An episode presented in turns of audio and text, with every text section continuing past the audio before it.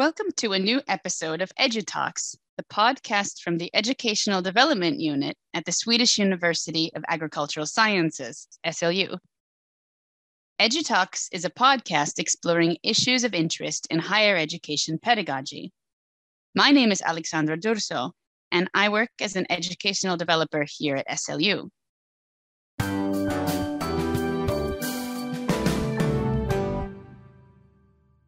The topic of this EduTalks episode is internationalization, global learning, and Agenda 2030. Today with us, we have Melanie Miller Foster, Assistant Professor of International Agriculture in the Office of International Programs in the College of Agricultural Sciences at the Pennsylvania State University, PSU, and my SLU colleague, Natalie Jelinek, who works as an educational developer here at SLU and is also an international higher education advisor. Welcome to EduTalks, Natalie and Melanie. Thank you. Thank you. So, why are we looking at this podcast topic today? Agenda 2030 and Education for Sustainable Development are both topics that we at the Educational Development Unit have been talking about a lot more lately. Historically, SLU has worked very deeply with issues such connected to economic and environmental sustainability. But we haven't perhaps always lifted the third aspect of sustainable development, the social aspect, which involves, you know, of course, many questions related to how people engage with their environments, how they engage with each other, you know who gets eh, lifted as an example of a researcher or who do we cite? Who is invited to teach a class or viewed as an expert when it comes to learning and teaching in higher education? And natalie and melanie you two met through something called gcua the global challenges university alliance. It sounds very exciting. Tell us about it natalie. Thank you alex. So the gcua the global challenges university alliance is a network university partners from across the globe. GCUA today has a clear focus on Agenda 2030, and the universities are partnered around what is called GCUA 2030. And the overall goal of GCUA 2030 is indeed to enhance the capacity of its partners to contribute to Agenda 2030 and the SDGs through international collaboration. The partners in this um, alliance are both from the global north and the global south. There is a, a list of, of different universities that cover pretty much all continents. And many of the activities within this new vision, GCUA 2030, is to provide the new generation of academics and leaders within universities the training that they need um, and the experiences that they need in order to contribute to Agenda 2030 including network opportunities. So I see lots of exciting opportunities being developed for graduate students, including the development of courses, a mentorship program, and a case study challenge. And Melanie, who is joining us today, she is actually engaged with the Global Challenges University Alliance through her role at Penn State University. Mm-hmm. Tell us a bit more about your role, Melanie. Great. So, yeah, Penn State just recently joined the GCUA, and I mean, I'm excited to be a part of it. I've had the opportunity to get to know faculty from around the world who are interested in similar things. So, through some committee work, um, I've had the opportunity to get to know folks. And I also um, got to know Natalie through a, a webinar that we did a few weeks ago. Great. I think before we get deeper into our conversation here, it would be useful to maybe talk about some of the terminology that we use when talking about interacting across different kinds of borders, whether it's international borders or even if we talk about disciplinary borders within the same university, it could be within hierarchies, for example. So from you know a course to a program to the university leadership. So I'd like to first start with the term internationalization. How have we gotten into internationalization, Natalie? Um, I think there that universities, uh, higher education institutions across the world have been interested in this idea of internationalization for a while. It's become uh, an issue of quality and thinking about how do we enhance the quality of universities, both in terms of curriculum, but also in the way that people are welcomed into our institutions. How do we create inclusive climate is something that has been and continues to be discussed. I think At SLU, the definition that has been used is one that is um, commonly accepted this idea of infusing and integrating international, intercultural, and global dimensions into the way that the university functions, right? That this includes the way in which we teach, but also the way in which we work, right? So, administration, uh, student support, what we would call both the formal and formal and maybe hidden curriculum, all of these things that we teach without really being aware of the fact that we teach them. So this is a, the, the, definition that has been accepted here or agreed upon at SLU. And I think part of that um, is also influenced by the discussions that have been had at the national level. So Sweden did produce in 2018 an actual strategic document for the internationalization of higher education. This document really points to internationalization as a way of reaching higher quality and not as a goal in and of itself and also this idea of comprehensive internationalization again thinking about how do we make institutions really function in a way in which internationalization really filters down to all of the different levels and I know that uh, Melanie at Penn State, or at least in your context, in your department, in your work, you're using the term global learning a bit more. So, how does that relate to Natalie's description of internationalization? Yeah, that's a great question. I mean, there's a whole bunch of terms that are being used to reference work in this space. So I find it helpful to drill down to the root of the words international and global.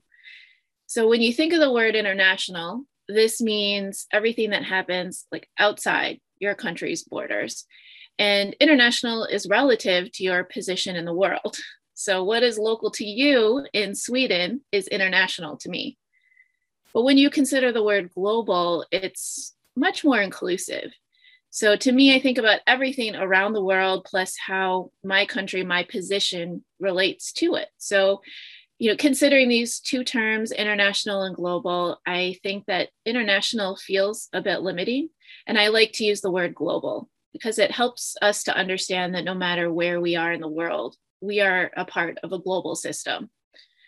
So, getting back to that global learning question, what we're really trying to do is to help learners at all levels learn about the world and their position in it.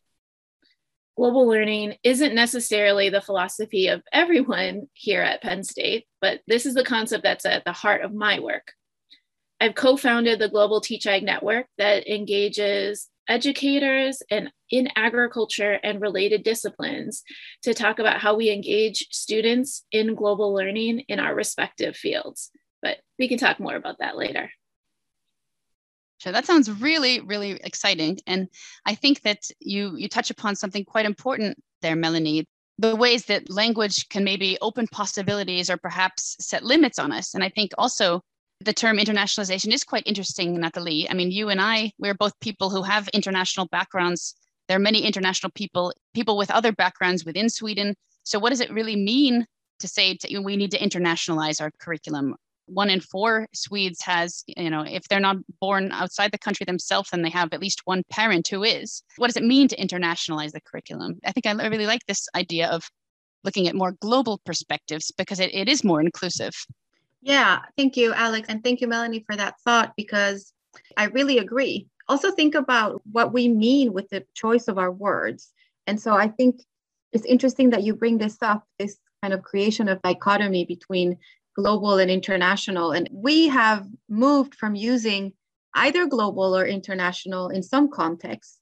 So, um, a course that we teach at SLU is called Teaching in the Glocal Classroom, really trying to find the synergies between the local and the global and thinking about, well, how do we create a classroom where everyone feels included? And how do we also create these interconnections and interactions between what would be our global international students and our local students. So we have this course uh, for faculty. It's a faculty development course called Teaching in the Glocal Classroom. And, and many times we get emails from people saying, well, you know, you've missed a letter. You've written glocal instead of global. Please correct it. And so then, you know, we have this discussion about words and what they mean and, and how do we find this connection, right, between the local and the global spheres. I think that's so interesting, isn't it? That discussion right there opens a door, doesn't it, with teachers or with different people. That term itself is perhaps not more widespread is, is interesting as well, that it's assumed to be a mistake. Well, I think that in lots of the literature, kind of in the, the path that internationalization has taken and the way that it's been integrated into the university world, a lot of material has been developed about what we call the international classroom and how to teach international students. And I think that is where we fall into a trap of trying to design materials, curriculum for a particular group instead of thinking of how, again, to make these connections. The definition of the international classroom, as outlined by Lauridsen and Lillemose, is a classroom where either teachers and or students have or can have different first languages, different ethnic backgrounds, and also could have or might be used to different academic or disciplinary cultures. And so we could potentially think and consider a Swedish classroom in Swedish about a Swedish topic where we still would have this international classroom because we have people who might have more than one language at home, people who might have different ethnic backgrounds, but still be born and raised in Sweden and still be discussing a topic that is of Swedish interest. So I think we need to dig a little bit deeper and think about how to use our students as resources in that process. What are the experiences that we have in our students that are useful? What can they learn from each other? And sometimes environments that we might assume as homogeneous aren't as homogeneous as they first appear because there's lots of diversity that is kind of hidden behind this, you know, what we might first see or what might appear. Absolutely. And I think both of you mentioned this term of quality. You know, what does it mean to have, you know, quality education, global quality global education or quality international education? And in this Agenda 2030 focus for the Global Challenges University Alliance, um, you mentioned talking about training this new generation of scholars that is going to have different kinds of skills. I'm curious about what they are. You know, what you know, what are those skills? Because sometimes we fall into a trap, perhaps, of using or of viewing internationalization or global learning as kind of a counting thing. You know, so we we judge the quality by how many people from different places are involved where and not necessarily thinking about well how are they using their resources how does their knowledge you know and lived experiences come into play in that space or you know beyond for example just changing the language in this context changing the language of a course to english. What do you think? What's quality in this kind of work? Maybe it's, it's too big of a question. Well i think that is a big question. Um, mm-hmm. i can rephrase it and say like what does it mean to train a new generation of scholars? What kind of training do they need to succeed in a global world? And, and I think that this is a very relevant question that we should all be asking ourselves. Part of the amazing, um, you know, or, or the power of Agenda 2030, I think, is that there were so many countries that have agreed to it. We have this common platform, this common language, these common goals that, you know, are agreed upon across the world where everyone should have something at stake, but also where no one should be left behind, right? But what is also important about this uh, framework is really having it make sense at the local level. And I sometimes think at the local level, then that means in a classroom. So, what does Agenda 2030 mean for SLU? What does it mean for SLU's teachers? And I think, in a way, we could potentially make this connection to quality through Agenda 2030. And I like to look at you know, there's lots of different goals that many universities feel that um, more or less relate to the subjects that they research on or the focus areas that they have.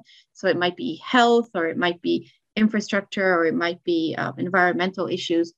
But if we look at SDG 4, which is quality education, I think if we focus in on target 4.7, there is a real clear link to your question or an answer to your question, which is quality education. So target 4.7 talks about what are the knowledge and skills that are needed to promote sustainable development. And so it says, and I'm going to read, it says, including among others through education for sustainable development and sustainable lifestyles, human rights, gender equality, promotion of a culture of peace and nonviolence, global citizenship and appreciation of cultural diversity and of culture's contributions to sustainable development. And so I think it's a really important question that you're asking is how do we prepare our students to do all of these things? How do we prepare them to engage in nonviolence? What does global citizenship mean for them? How do we prepare them to appreciate cultural diversity, to really reflect about their own contribution? How do we allow them space to think about their own identities and how that might position themselves to contribute to Agenda 2030? So I think discussing Target 4.7 really allows us to think about what this might mean in the local context because it might mean different things in different places and we might get there in different ways at different institutions. Yeah, and for me, you know, what I think about is what we mean by global learning is global learning for global competence. And like Natalie mentioned, that may look different in many different contexts. The definition um, and the framework that I like to think about actually comes from the Asia Society. And they recognize global competence as having four domains uh, investigate the world, recognize perspectives, communicate ideas, and finally, take action. And I think that's really a useful framework to think about. And you can think about this at any point in a person's development because I think becoming globally competent is a lifelong project. You never achieve it, you always have room to improve and room to develop and grow. So I think that that's the ultimate aim that, you know, recognizing that we're all on this journey um, towards global competence, but recognizing that there are these components that come together. Um, and I think a lot of what Natalie mentioned about SDG 4.7, you know, are aspects, you know, that can be embedded within this model. So I find this useful to think about it that way. Thank you. I think that there's so many layers to this work. I mean, we've we've talked a bit about, um, you know, Natalie, you mentioned this strategy for, you know, internationalization taken at the national level in Sweden, which of course in turn for us here in Sweden means that every university then has to have its own interpretation and or policy or plan to address the national issue. How how they will make it local, basically. And I know that you mentioned, Melanie, also that Penn State has its own kind of more strategic perspectives related to global learning that maybe you know they're applicable on the university level but then of course you, you have your program you have your individual classroom you know the students who are sitting in front of you every day or every every couple of days per week what does it look like from a teacher perspective to take into account these kind of globally competent qualities that you were talking about i mean what are some examples of how this you know some things that you think about when you're preparing your teaching yeah so i think of a concept from Neal Sobania I think it's useful to think about learning as a continuum. And it goes from your doorstep to the planet. So there's a lot of things to think about when you're learning on this spatial continuum. And so what I'd like to focus my answer on is talking about global learning in contexts that are a little bit closer to the doorstep side of the continuum. So thinking very close to the doorstep and thinking about classrooms on our campus. One example is a workshop that I run on intercultural communication. So it's one of those things in my life that gives me gray hair as I organize it. um, but I think the outcomes are worth it. um, after teaching a short introduction to students about intercultural communication, students have the opportunity to actually practice intercultural communication with international students and community members that we invite into the classroom. And so the objective of this workshop is for all participants to have a positive intercultural moment so that they might seek out additional intercultural communication opportunities in the future. And so this is just a really miniature example of what cultural learning could look like on our campuses. But when you venture off campus a little, um, you know, another example is community-based learning. So I teach a community-based course on the transnational workforce we have here in the U.S. Specifically here in Pennsylvania, um, it's the dairy industry. Okay. Yeah. So in the classroom, we study all the factors that have led to this situation. So the policy, the economics, you know, our country politics. Um, but each week we take the students to local dairy farms. So they actually have the opportunity to learn from this relatively hidden population that's present right here in our community. And this course introduces our students to an example of globalization that's present right here in central Pennsylvania. And then Study Away is the last example I'll talk about. Most of our students that we teach will stay in the same regions as our universities. Like, we don't expect them to all take flight and work internationally. So, we need to provide opportunities for them to become familiar with the organizations and the conditions in our region. Study Away is a great opportunity to do this. One example is a short term study away I ex- experience I developed to Philadelphia, where we conducted a service learning project at a bilingual preschool. Talk about cuteness overload, by the way. um, most of the students in this class, they were all College of Agricultural Sciences students. They had never traveled to Philadelphia, which is a wow. major city in our state. Mm. Not only did they have the opportunity to be surrounded by people speaking a different language and from completely different backgrounds, uh, but they were able to get a small taste of urban life and understand our state of Pennsylvania a little bit better. And actually, if I may, there's one more example. Sure, please. yeah, go ahead. um, yeah, there's just so much to talk about on this topic. But I remember um, as an agriculture student on study abroad in Costa Rica, we followed the banana value chain.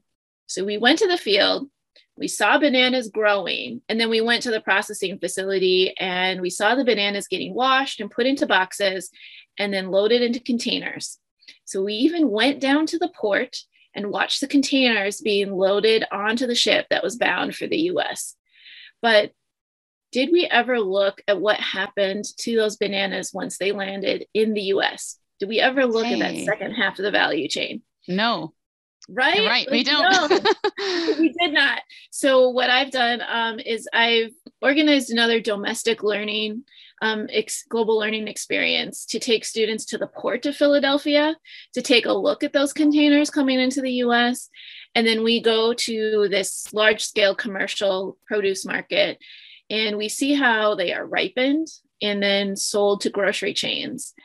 And then we go into local neighborhoods to learn about the last few miles that the fruit needs to travel in order to get to the consumers.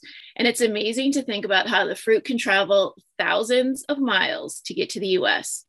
But getting into some neighborhoods to be accessible to consumers that are just a few miles away from the port seems impossible because there's no grocery store in the neighborhood. So these are just some of the examples, but I think the possibilities really are endless. Once you take that more global mindset and apply it to your teaching, you can really start to break down those global competencies and understand what you can teach in your context.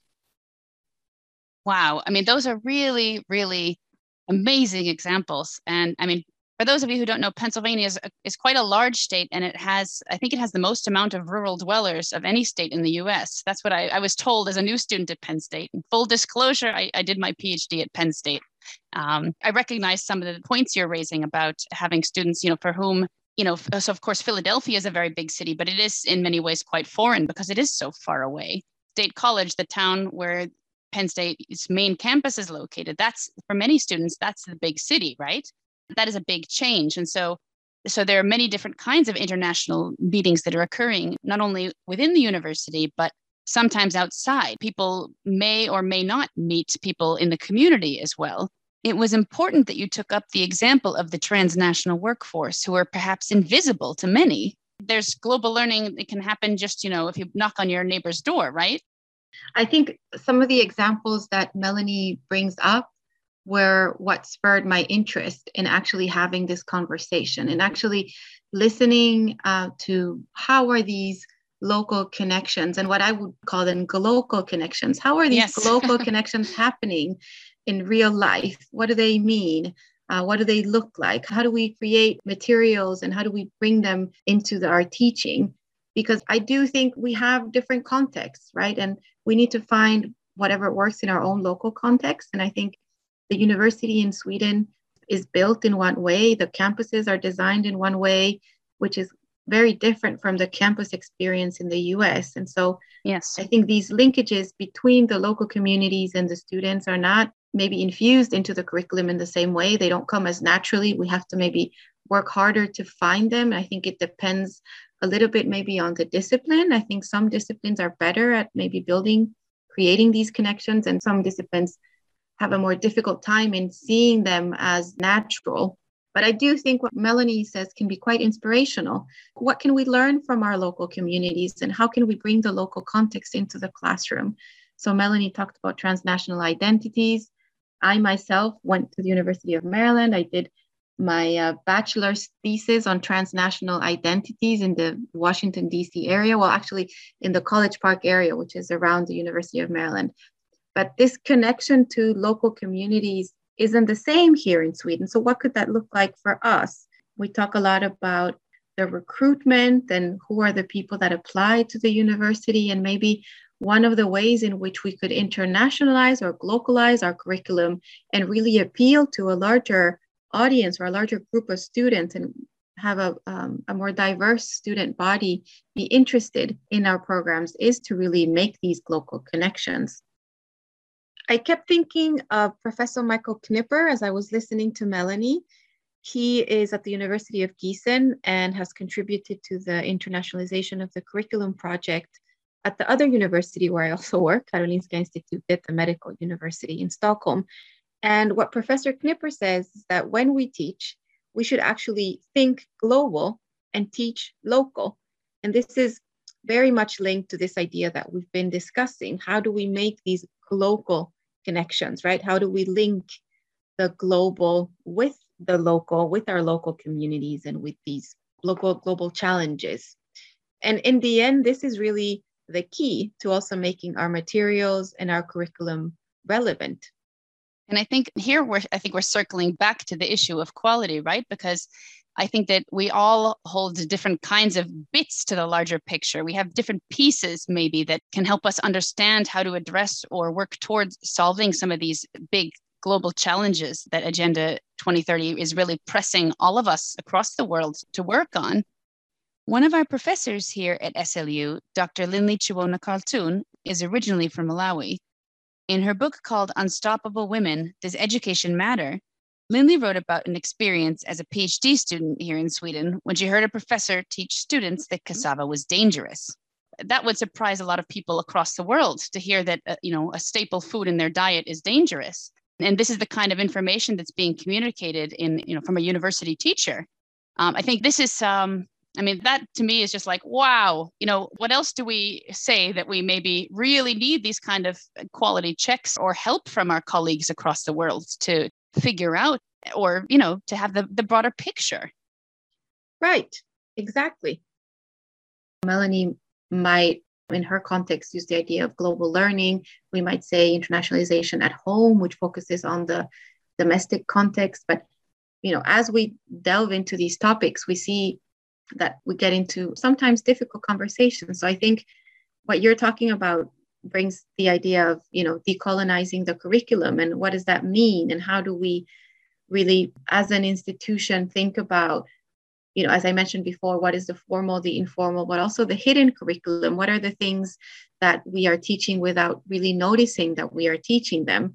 And how are we discussing gender issues and who gets to speak in class and who doesn't who gets more space? What are the examples that we bring up? I still remember discussing with an argentinian doctoral student in one of our courses it was in this teaching in the glocal classroom course when he said well i have been studying forests and trees for many many years and i remember the first time that i recognized a tree that it was in one of my books um, a type of tree that is actually familiar to me and I have seen it in Argentina. And his eyes lit up. And it was the first time in many years that he could actually, in his mind, imagine what the tree looked like, what it smelled like, what it felt like to the touch. And he was so excited about that. And it's these small things, right? How do you make your examples, your content relevant? And also, what happens when you don't?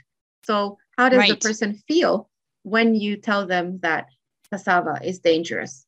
and what does it feel like maybe to go through a whole program without ever recognizing a single tree i think that is also an interesting question to ask ourselves mm-hmm.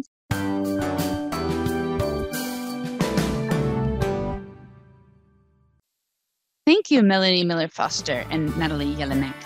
We will continue this discussion in part two of this episode of EduTalks. Stay tuned.